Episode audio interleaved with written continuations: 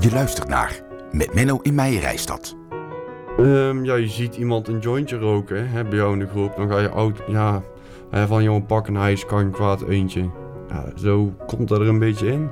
Eh, dat geldt ook niet alleen voor, de, voor middelengebruik, maar ook voor gamen natuurlijk. Daar zien we ook heel veel. Dat wordt ook wel eens onderschat en vergeten, zeg maar. Maar daar zien we natuurlijk ook heel veel jongeren die echt eh, heel veel gamen. Een vierdelige podcastserie van de gemeente Meijerijstad. Aflevering 2. Verslaving. Welkom bij de tweede podcast alweer. Mijn naam is Menno Roosendaal, wethouder in de gemeente Meijerijstad. Onder andere jeugd in portefeuille. En daar gaan we het vandaag eh, over hebben. Een onderdeel binnen die jeugdportefeuille is verslaving. Zowel bij de jeugd als ook voor ouders die daarmee om eh, moeten gaan. Daarvoor heb ik een aantal eh, gasten in deze podcast. Onder andere Bob, daar gaan we zo mee in gesprek. Eh, Dennis van Dun, medewerker bij eh, Novadik Kentron. En Hanneke van Weert, medewerker bij Novadik Kentron. Maar ik wilde graag beginnen bij Bob. Dag Bob, welkom eh, hier.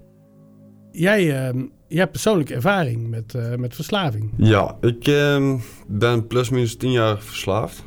Ehm, aan, vooral aan ketamine en alcohol. Ja, ik heb eigenlijk wel van alles wat geprobeerd in mijn leven. Ik ben begonnen met blowen. Ja, in het eerste ongeveer. Denk wel iets vroeger. Ehm, ja, vanuit daar van alles gaan experimenteren. Alcohol, eh, ecstasy, speed. eh, noem maar op eigenlijk. Er zijn zo'n beetje alle drugs die ik in ieder geval ken, maar je, Eh, ik bent, heb GHB geprobeerd. Ik, ehm, LSD, 2SB, DMT. Ja, dat was denk ik wel. En, en hoe oud ben je nu Bob? Want mensen zouden kunnen ik denken... ben dat- nu 23 jaar. 23, Eh, ongeveer vanaf jaar 13. En het eerste ben ik eigenlijk eh, begonnen. oké. Kan je nog herinneren waar dat mee begon?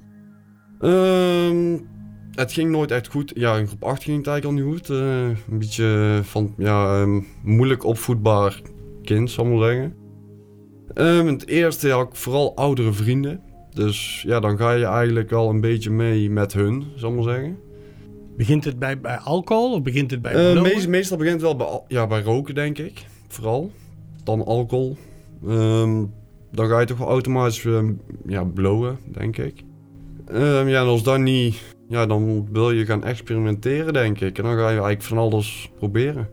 En had jij, eh, je wil gaan experimenteren, had je heel erg behoefte om, om dat te ontdekken? Of waren er ook andere redenen waarom jij daarmee begon? Ehm, vroegtijdig is ons pap overleden. Ehm, daar is ook wel een van de redenen waarom ik ben gaan gebruiken. Ik ben ook toen een tijd uit huis geplaatst naar La Salle in Boksel. Ja, dan is het ook niet zo'n goede omgeving, zal ik maar zeggen. Dus dan ga je ook wel meer met de andere jongeren mee blowen. Ja, van alles eigenlijk, pep. Ehm, ja, die dingen. Vanuit daar ben ik teruggegaan naar huis. Toen heb ik een niveau 1 opleiding moeten doen in een bos. Ja, toen gebruikte ik eh, vooral, nee dat is een tweede, ja vooral cocaïne ben ik toen mee begonnen. Ja, even kijken. En wan- wanneer gebruik je dat dan, Bob? Is dat iets wat iedere dag gebeurt? Of is dat bij Eh, in gelegenheden, weekenden? In het tweede gebruikte ik daar bijna wel iedere dag. Ja, En hoe reageerden mensen daar dan ook op? hè? Ik kan me voorstellen eh, dat- dat je, de- je moeder, want die zag je wel. Ja, die zag ik wel Die iedere dag. dat? Die, ja, ik weet toen tijd weet ik niet. Ik weet niet of ze het wist. Ik denk het eigenlijk haast wel. Ja, ik verslaat mij veel. Ik ging in de weekenden vooral naar feestjes. ehm, illegale, eh, noem maar op. Ik was ieder weekend weg en bij vrienden. En, en dit, die manier van leven heb, heb je eigenlijk best lang zo gedaan. Ja, daar heb ik ehm, best wel vrij ja, snel ja, moet, je, ja, aangewend eigenlijk, zal ik maar zeggen. Ehm, ik heb in 2018... tw- Ja, 2018 heb ik mijn eerste opname gehad. Van drie weken. Dat, toen was mijn hoofdmiddel vooral cocaïne en, al nee, cocaïne en ketamine. Ehm, daar heb ik drie weken detox gehad en een eh, vijf weekenden ambulant, zal ik maar zeggen. En, eh, hoe heet dat dan dus? Eh, Intensief ambulant. intensief ambulant, Bij ja. Nova de Kentron. Bij Nova de Kentron, ja. Ehm dat is een aantal maanden goed gegaan, wel met een uitglijer.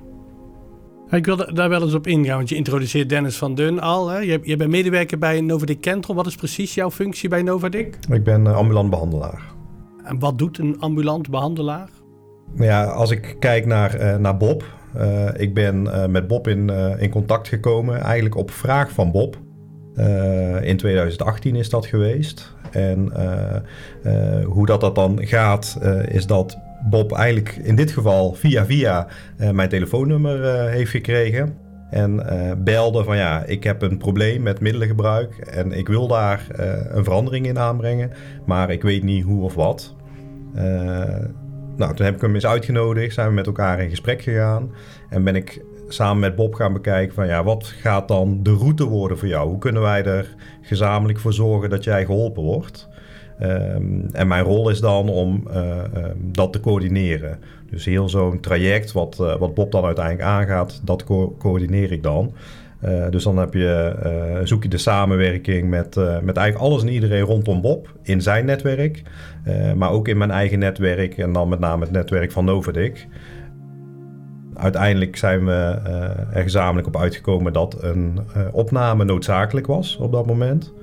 En is Bob tijdelijk opgenomen. Dat is voor een detoxperiode geweest. En ehm, ja, dan bekijk je steeds samen van oké, welke stappen gaan we dan eh, eh, vervolgens zetten.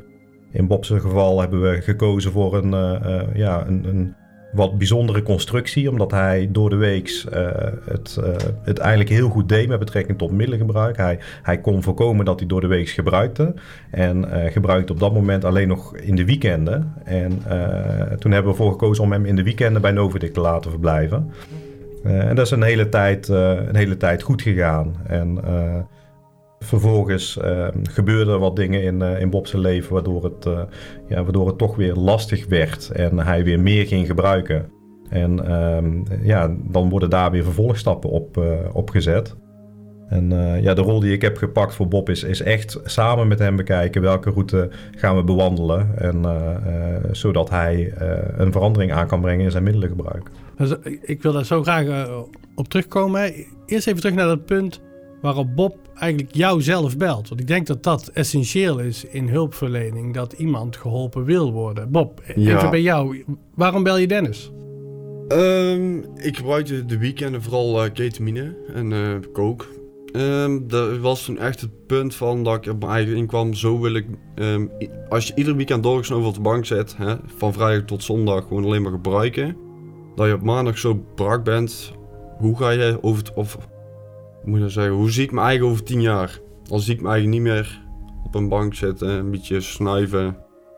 Ja, dat, dat wil je gewoon niet meer en daarom trek je aan de bel bij Novidik. Je ging over je toekomst nadenken en je dacht... Ja, ik ging vooral nadenken, wat wil ik nog meer met mijn leven, zal ik maar zeggen. En niet alleen maar in gebruik zitten. Ja. Maar Dennis, ik denk dat dat heel erg helpt. Dat eh, iemand zelf ook geholpen wil worden. Ja, ja ik, eh, eh, dat, is ook het mooie aan Bob. Dat hij inderdaad heel erg gemotiveerd is om, om een verandering aan te brengen in zijn, in zijn leven. En daar heeft hij, ja, heeft hij echt mooie stappen ook al uh, ingezet.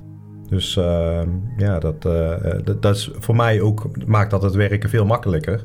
Want het gaat denk ik niet altijd zo. Uh, nee, uh, net zo vaak uh, kom, kom, ik mensen tegen die, ja, die niet zo gemotiveerd zijn. En dat is ook wel een beetje de bijzondere rol die ik heb als ambulant behandelaar. Dat ik juist vaker met mensen in contact kom die, ja, die niet per se geholpen willen worden. Dus dan heb je meer een, een rol als bemoeizorger. Dat je daarop afgaat en uh, probeert om, uh, ja, om, om ze toch aan het verstand te brengen dat het, uh, dat het verstandig zou zijn om, om andere keuzes te gaan maken. Maar in Bob's geval is die motivatie zeker aanwezig. En je vertelde over het traject wat Bob daarna inging. Dat, dat hij ook een tijd detox, zoals dat dan heet, ja. ging. Eh, Bob, hoe was dat voor jou? De detox. De drie saaiste weken van mijn leven. De drie saaiste weken ja, van je leven? dat waren het... Toen wou ik nog heel graag werken. Hè. Toen vond ik het werk ook kei leuk. Ja, dat waren wel echt uh, drie sloomste weken van mijn leven, ja. Maar wel effectief, Dennis? Ja, zeker. Uh, Bob zag daar inderdaad heel erg tegenop, omdat hij was gewoon heel erg gewend om heel de week te werken en het weekend, heel het weekend te kunnen gebruiken. En uh, hij, uit die structuur kwam hij ineens in een, uh, in een totaal andere structuur, uh, waarbij hij uh, um, ja, zo'n detoxperiode inging, waarin mensen echt op zichzelf worden teruggeworpen en waar ook wel veel wordt geïnvesteerd in, in de gesprekken met, met de jongeren om ze tot bepaalde inzichten te brengen. En um, ja, dat heeft bij Bob heeft dat eigenlijk het zaadje geplant, zeg maar, voor, voor het verdere verloop van, van zijn herstel. Uh, en we zijn nu inmiddels anderhalf jaar verder en hij staat nu weer op een heel ander punt vergeleken met die detoxperiode. maar hij is die detoxperiode toen goed doorgekomen, ondanks dat hij het heel erg saai vond. En um, ja, dat is een mooie start geweest, zeg maar, voor het traject waar hij, waar hij toen in is gestapt. Ja, Gaan we heel even naar Hanneke van Weert. Hanneke, ook medewerker bij Novodik Kentron. Wat is jouw functie binnen die organisatie? Ik ben uh, preventiewerker. In mijn reisstad ook. En uh, ja, ik zit eigenlijk uh, net een stapje voor Dennis. Dus uh, wij doen heel veel preventieactiviteiten voor ouders. Op scholen, in het uitgaan, maar ook voor jongeren. Ja. En wij hebben ook de, de individuele gesprekken met jongeren. Dus eigenlijk als, als een jongere iets wil, proberen wij ze te motiveren om te gaan stoppen of minderen. Maar en dat soms, is de kunst natuurlijk. Ja, ja, het zit in motivatie. En uh, als dat lukt, dan, dan is ooit een preventietraject al genoeg. En soms ook niet. En dan uh, heb ik Dennis ook weer nodig om, om het verder op te pakken en door te pakken. En ja, ik denk dat de kracht bij ons tenminste vanuit preventiewerk ook zit. En uh, de samenwerking met onder andere het jongerenwerk en andere netwerkpartners. Dat we ook mee de straat op gaan, uh, naar festivals gaan, in het uitgaan aanwezig zijn. En daar ook preventieactiviteiten doen. Zodat ze wel ook een gezicht hebben bij, bij ons allemaal. En dat het drempel ook lager maakt om contact te zoeken met iemand van over de Kentron. Eigenlijk jongens zoals Bob, maar dan niet als het al tien jaar duurt, maar, maar eerder ja. tegen te komen op straat of via het onderwijs, het gesprek mee aan te gaan en kijken uh, wat je kan doen voor zo'n jongen of meisje. Ja, om gewoon inderdaad het gesprek al aan te gaan over nou ja, gebruik of gamen kan natuurlijk ook. En uh, enige bewustwording misschien creëren. En als het moment daar is, dat ze de weg weten te vinden naar. En zie je uh, vaak, want ik stelde die vraag net ook aan Bob, dat het begint met, met roken of met drinken en dat de zwaarte van de druk uh, toeneemt? Of zie je daar andere patronen in? Kan je daar iets over vertellen? Ja, je ziet wel uh, dat het, ja, het begint vaak wel met roken, alcohol. En dan is het natuurlijk wel altijd afhankelijk van de, de, de vriendengroep waar je in zit. Want de vrienden hebben gewoon enorm veel invloed op, op uh, ja, wat je gaat proberen, wat je wil ontdekken. Dan zitten natuurlijk altijd uh, bij jongeren in een fase, puberteit, dingen ja, ontdekken, willen experimenteren. Dus dat hoort er ook wel enigszins bij. En uh, dat geldt ook niet alleen voor, de, voor middelengebruik, maar ook voor gamen natuurlijk. Daar zien we ook heel veel. Dat wordt ook wel eens onderschat en vergeten, zeg maar. Maar daar zien we natuurlijk ook heel veel jongeren die echt heel veel gamen. Ja. Dat is iets van de laatste tien jaar misschien, maar wel een, enorm in opkomst. Ja, en dat is sowieso een lastige doelgroep natuurlijk, want die is, die is vaak niet in beeld. Dus dat gebeurt vaak thuis. Gamen uh, doe je vooral thuis. Ja, ja. dus... Uh, en jij... Um, je ziet natuurlijk veel van wat er gebeurt op straat. Hoor je dan ook van jongeren terug, net zoals Bob net vertelt, dat er iets in zijn persoonlijke leven gebeurt, zijn overlijden van zijn vader op, op jonge leeftijd dat dat ook een, een trigger kan zijn uh, waardoor uh, iemand eerder verslaafd raakt? Ja, je ziet vaak wel dat uh, als jongeren nou ja, gaan gebruiken, dat het wel het, een, een escape is of het ontvluchten van een gebeurtenis, een thuissituatie. En het hoeft niet altijd iets heel heftigs te zijn, maar het is vaak wel um, ja, een manier om, om te ontsnappen en rust te krijgen in je hoofd ook vaak. En omdat daar dan op dat moment prettig is, is de verleiding natuurlijk ook heel groot om, om uh, te blijven gebruiken. Herken jij dat, Bob? Ja, dat herken ik heel goed. Uh, ja. ja.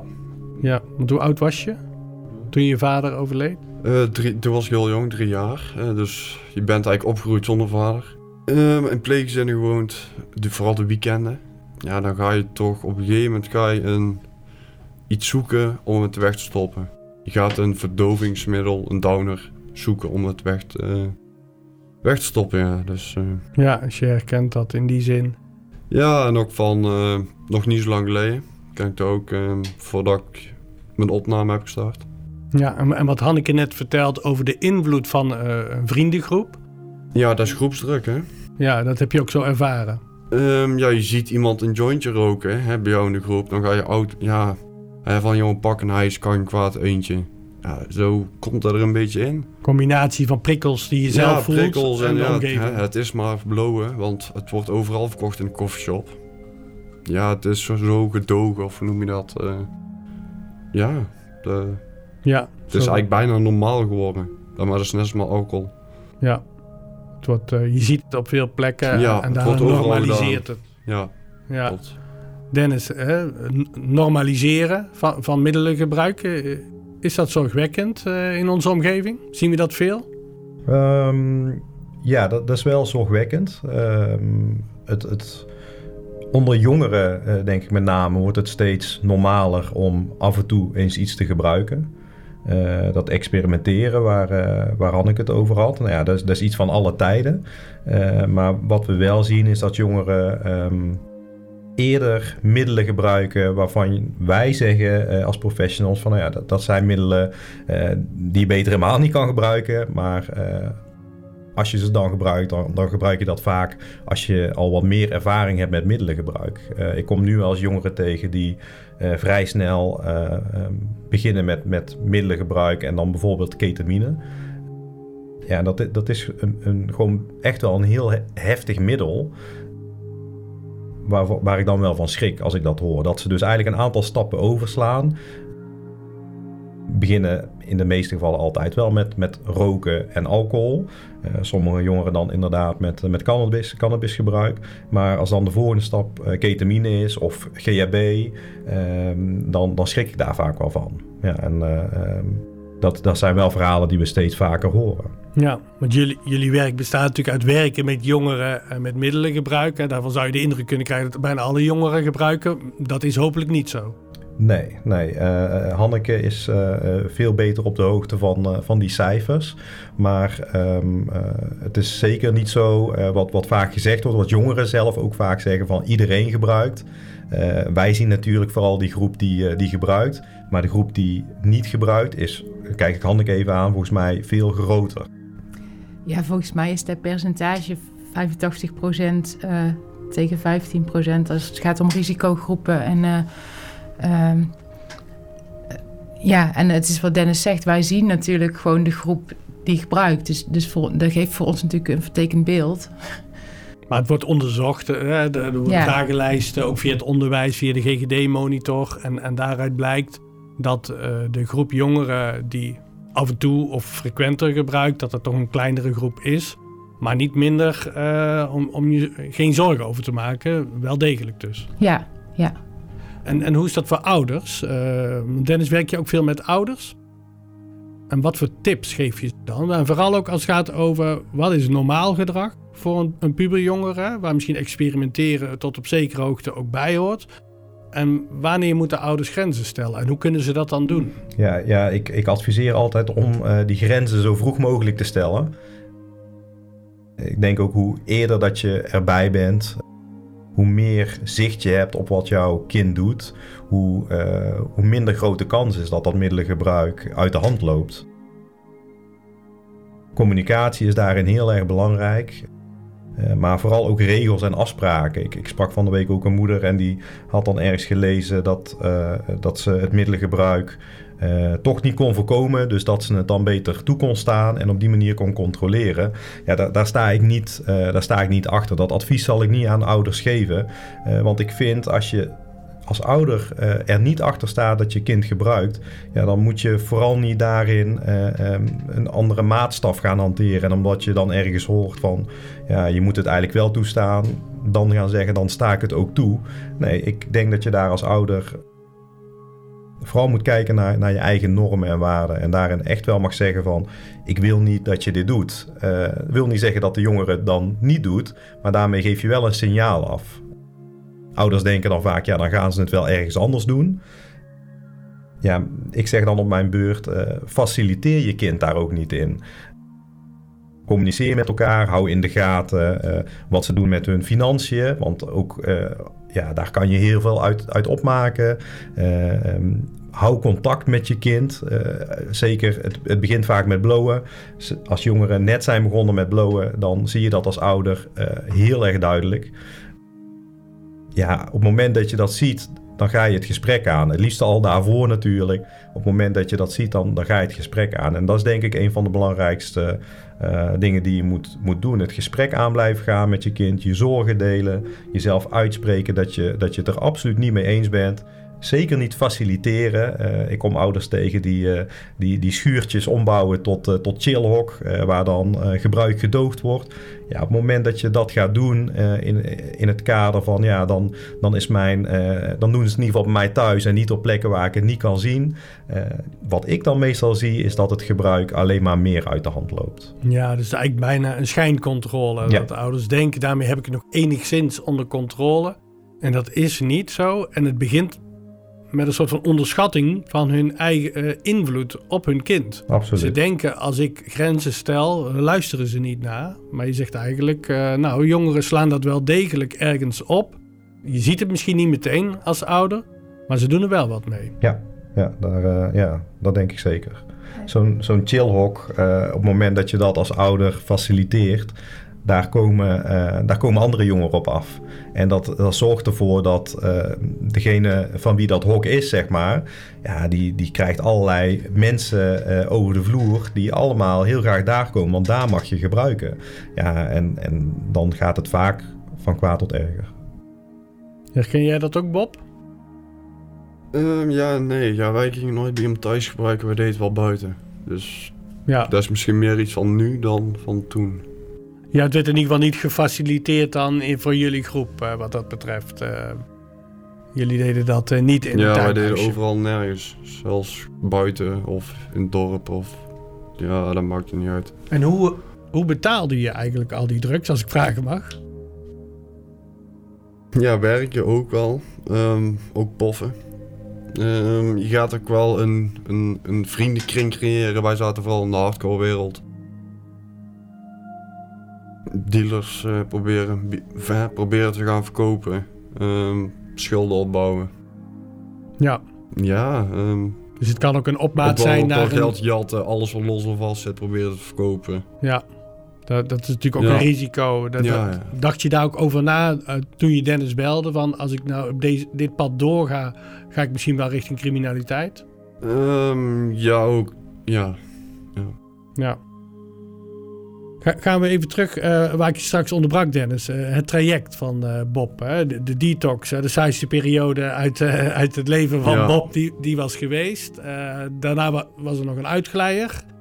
Hoe ging het verder? Misschien kan, kan, jij daar wat over vertellen, Dennis? En dan kom ik zo weer terug bij Bob. Ja, nou ja, ik denk dat Bob... Bob werkt erg graag. Heeft het erg naar zijn zin bij zijn werkgever uh, in tegenstelling tot heel veel andere jongeren met deze problematiek, uh, houdt hij dat ook heel erg goed vol. Um, uh, werkgever heeft het gewoon heel goed met hem voor. Dus ik denk dat dat allemaal positieve factoren zijn waardoor, ja, waardoor Bob wel goed in zijn, in zijn herstel zit. Op het moment dat, dat je ook uitvalt op je werk bijvoorbeeld, ja, dan kom je vaak in een, in een wat negatieve cirkel terecht. Uh, in Bob's geval is hij dus altijd blijven werken. En uh, omdat ik denk er weinig controle is geweest altijd op, uh, op Bob van, van huis uit. met name dus ook doordat zijn moeder hem alleen op heeft, heeft moeten voeden. En, en Bob vooral zijn eigen, zijn eigen weg ging. Heb ik eigenlijk vrij snel toen ik hem leerde kennen de inschatting gemaakt van volgens mij zou begeleid wonen heel erg passend zijn. Dus daar um, hebben we hard ons best voor gedaan om dat voor elkaar te krijgen, zodat Bob ook uit deze regio weg kon. En dat, dat pad zijn we toen gaan bewandelen. En uh, Bob die is, uh, is op een fijne plek terechtgekomen waar hij, uh, waar hij dus goed begeleid wordt en waar hij prettig kan wonen. Um, in die tussentijd is hij blijven werken en het gebruik nam langzaamaan wel weer toe. Daar, daar hadden we het regelmatig over met elkaar. En op een gegeven moment is er um, uh, iets heel heftigs in, in Bob's leven uh, gebeurd. Waardoor hij uh, weer meer is gaan gebruiken. En dat is ook iets wat, wat ik vaak zie. Op het moment dat er um, negatieve gebeurtenissen voorvallen in iemands leven. Dan triggert dat vaak het gebruik weer. En dat was ook in, in Bob's geval zo. En dat heeft ervoor gezorgd dat, ja, dat we weer meer contact met elkaar kregen. En dat we ook weer samen besloten van... hey, dit keer gaat een detox niet voldoende zijn. En gaan we echt voor een langdurige opname met, met echt intensieve behandeling. En Bob, wil je er iets over vertellen? Over, over wat, wat er dan gebeurde en, en hoe dat ging? Ehm, een half jaar geleden is mijn beste kameraad overleden. Aan een overdosis slash hartstilstand. Ehm, ja, daardoor ben ik heel veel gaan gebruiken. Dan ging van 0 naar 100. En uh, ik sloot mij op ieder weekend. En ik ging ja, gewoon gebruiken. Dat is toen sneller gebeurd, ook door de week. Ging ik op het werk gebruiken, s'avonds. Ja, maakt niet uit. 10 gram per dag. Of ja, 5 tot 10 gram per dag.